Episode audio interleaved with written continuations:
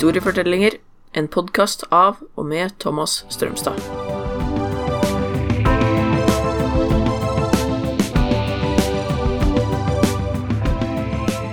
Episode 19 Den industrielle revolusjonen, Del 1 Ja, da har vi kommet til eh, den industrielle revolusjon.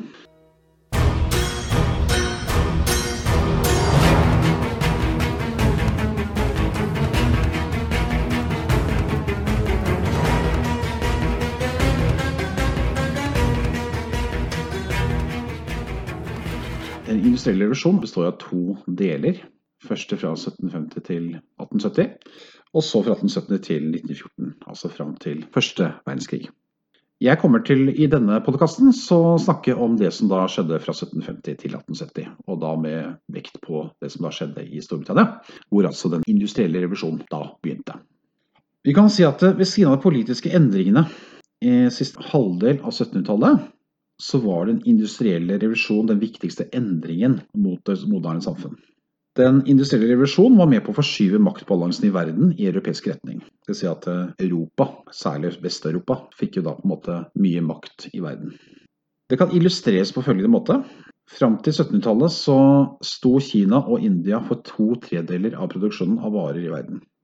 Vi europeere satt på sidelinja og beundret da kinesisk og indisk arkitektur, kunst og håndverk, og så på Kina som det mest siviliserte landet i verden. Asiatene på sin side så på europeere som enkle, primitive, dumme, barbariske. De nærmest fnyste av tanken på å kjøpe europeiske varer. Hva i all verden skulle de med det? Europeerne hadde lite å tilby de høyt utvikla asiatiske samfunn, mens europeerne siklet etter det asiatene hadde å tilby. Først og fremst var de interessert i porselen, silke, krydder, og de måtte betale med sølv og gull.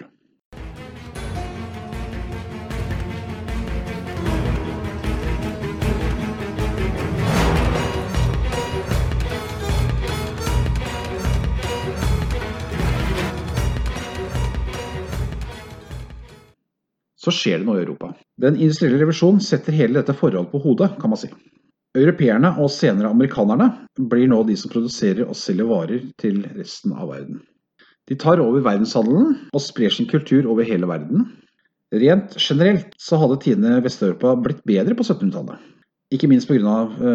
fremgang innenfor medisin og bedre kosthold. Blant annet så var det slik at takket være at man fikk da poteten fra Latin-Amerika, som da både var næringsrik og lett å dyrke, så, folk, så fikk vi da folk bedre ernæring. Man skjønte etter hvert at hvis man da renset vannet, ville man også faktisk da slippe masse bakterier og sørge for at man da ikke fikk masse sykdommer.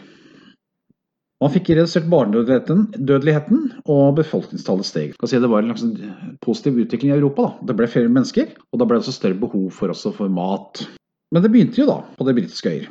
Det vil si at staten som da utgjøres av de fire nasjoner England, Wales, Skottland og Nord-Irland.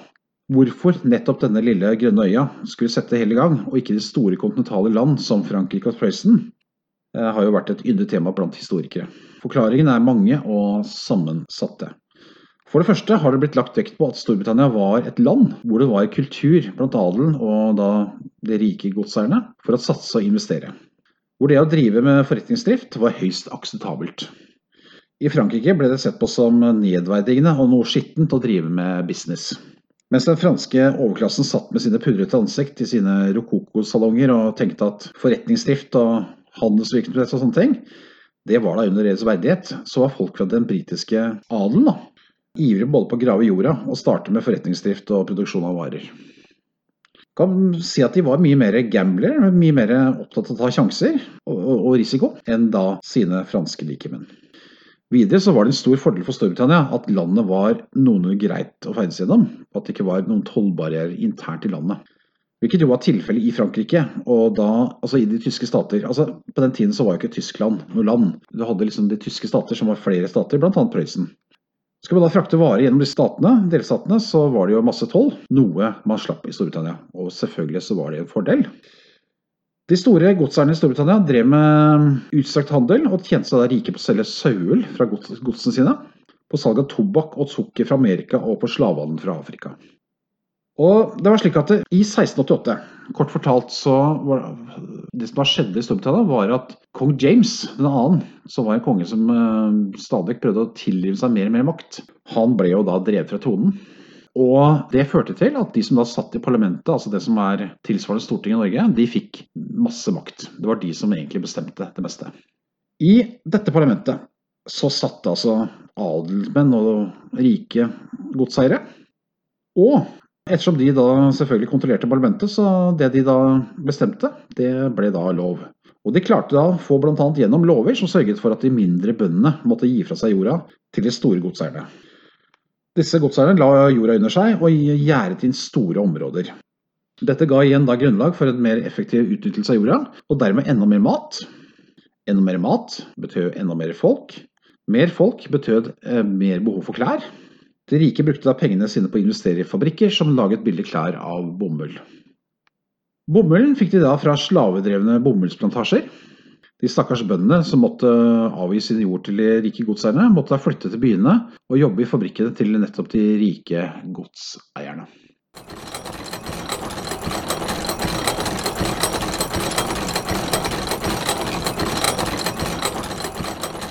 Det er klart at En annen viktig faktor som spilte en viktig rolle for å forstå utviklingen av industri i Storbritannia, det er naturlig nok den vitenskapelige utviklingen. Britene var jo kan si at sant, Dette er jo opplysningstiden, og det som egentlig særpreget britene litt, det var at de var veldig opptatt av å prøve ut nye ting. Franskmennene var eh, kanskje litt mer opptatt av dette å sitte og tenke de store tanker og tenke gjennom dette med frihet og filosofere. Britene var eh, veldig opptatt av egentlig å finne ut av ting. De var litt praktisk orienterte. De var det vi kaller for empirister, å si at å lære gjennom eh, erfaring. da, Learning by doing. De hadde flere oppegående ingeniører og oppfinnere og takket være disse så klarte man da hele tiden å finne fram til nye produksjonsmåter og teknologi som da gjorde at man produserte varer mer effektivt og i større mengder. Da jernverkene i Storbritannia trengte mer brensel, og man hadde forsynt seg av mesteparten av det som var av tre i landet, da måtte man ty til nye metoder. Og man da hentet opp steinkull fra gruvene. Da man kom så langt ned i gruvene at man støtte, støtte på vann, måtte man sørge for å få vekk vannet. Hvordan skulle man klare det? Løsningen var å pumpe, pumpe, ut vannet, og det var i denne forbindelse at de første dampmaskiner ble laget. Altså Dampmaskiner ble jo laget fordi man rett og slett skulle gjøre om vannet til damp. I 1776 utformet da skotten James Watt en forbedret og effektiv dampmaskin, som da kunne brukes til så mye annet enn å pumpe ut vann fra gruver. Nå kunne man også bruke dampmaskin til å drive spinne- og vevemaskiner. Dette gjorde det igjen mulig å masseprodusere klær, og tekstilindustrien bidro dermed til å drive fram industrialiseringen ytterligere. Med økt industrialisering og større behov for å frakte varer, ble det også større behov for bedre transportmidler. Takket være dampmaskinene fikk man utvikling av tog av dampmaskin. Man fikk transportrevolusjon, kan man si, altså transport- og samferdselsrevolusjon. Nå var det mulig å kjøre mat og andre viktige varer fra landsbygda til byene, og man ble ikke stoppet av verken vær eller vind, eller ulendt terreng for den saks skyld. Når det gjelder økonomiske forutsetninger for industrialisering i Storbritannia, så kom vi ikke utenom juvelen i kronen, nemlig India.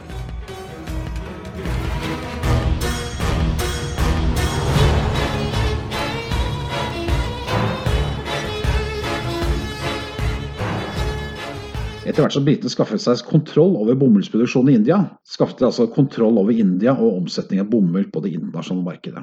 Bomull var en svært ettertraktet vare, og Storbritannia fikk dermed også en helt dominerende posisjon innen internasjonal handel. Altså, Vi har jo vært allerede litt inne på konsekvenser av industrialiseringen i Storbritannia. Folk som tidligere eide små gårder eller jobbet på dem, ble nødt til å flytte inn til byene. Hvor de særlig første tiårene måtte da jobbe under harde og brutale forhold. Fabrikk- og gruvearbeid var ensformig og rett og slett helseskadelig. Det skjedde rett som det var ulykker og mange omkom. Dette var en annen tid enn vår tid, da åttetimersdagen er vel spikret i vår arbeidsmiljølov, og arbeidsdagene var på 12-15 timer seks dager i uka. Barnearbeid var helt vanlig. Myndighetene som mer eller mindre var i lomma på de rike fabrikkerne, gjorde det vanskelig å danne fagforeninger som jobbet for bedre arbeidsforhold, høyere lønn og mer beskyttelse for barna. Fra 1830-tallet og utover begynte flere politikere å få øynene opp for de svært dårlige forholdene for arbeiderne, og man fikk etter hvert lover som forbød fabrikkene å bruke barn under ni år som arbeidskraft. Mange hadde fått nok av den røffe tilværelsen som fattig arbeider, enten nå var på jorda, i fabrikkene eller gruvene. Takket være den store revisjonen innen transport og samferdsel var det mulig å komme seg over til Amerika. Her var det muligheter for å få både et jordstykke, arbeid og større politisk frihet. Gjennom 1800-tallet reiste 50 millioner europeere til andre verdensdeler, og nærmere 20 millioner av dem kom fra Storbritannia og Irland. Den industrielle utviklingen i Storbritannia fortsatte da gjennom 1800-tallet. Takket være sagt større engasjement både fra politikere og andre samfunnsengasjerte mennesker, ble forholdene gradvis eh, forbedret. Vil eh, i denne sammenheng bl.a. nevne en eh, da sentralpolitiker og samfunnsdebattant som het altså John Stuart Mill, som da sto på for å bedre forholdene for, for arbeiderne. Det var slik at Tiden som den dominerende industrinasjon ble snart over, og fra siste del av 1800-tallet skulle da spesielt Tyskland og USA komme på banen, og etter hvert ble de to store. Mer om dette i neste podkast, som da omhandler en annen industrielle revolusjon.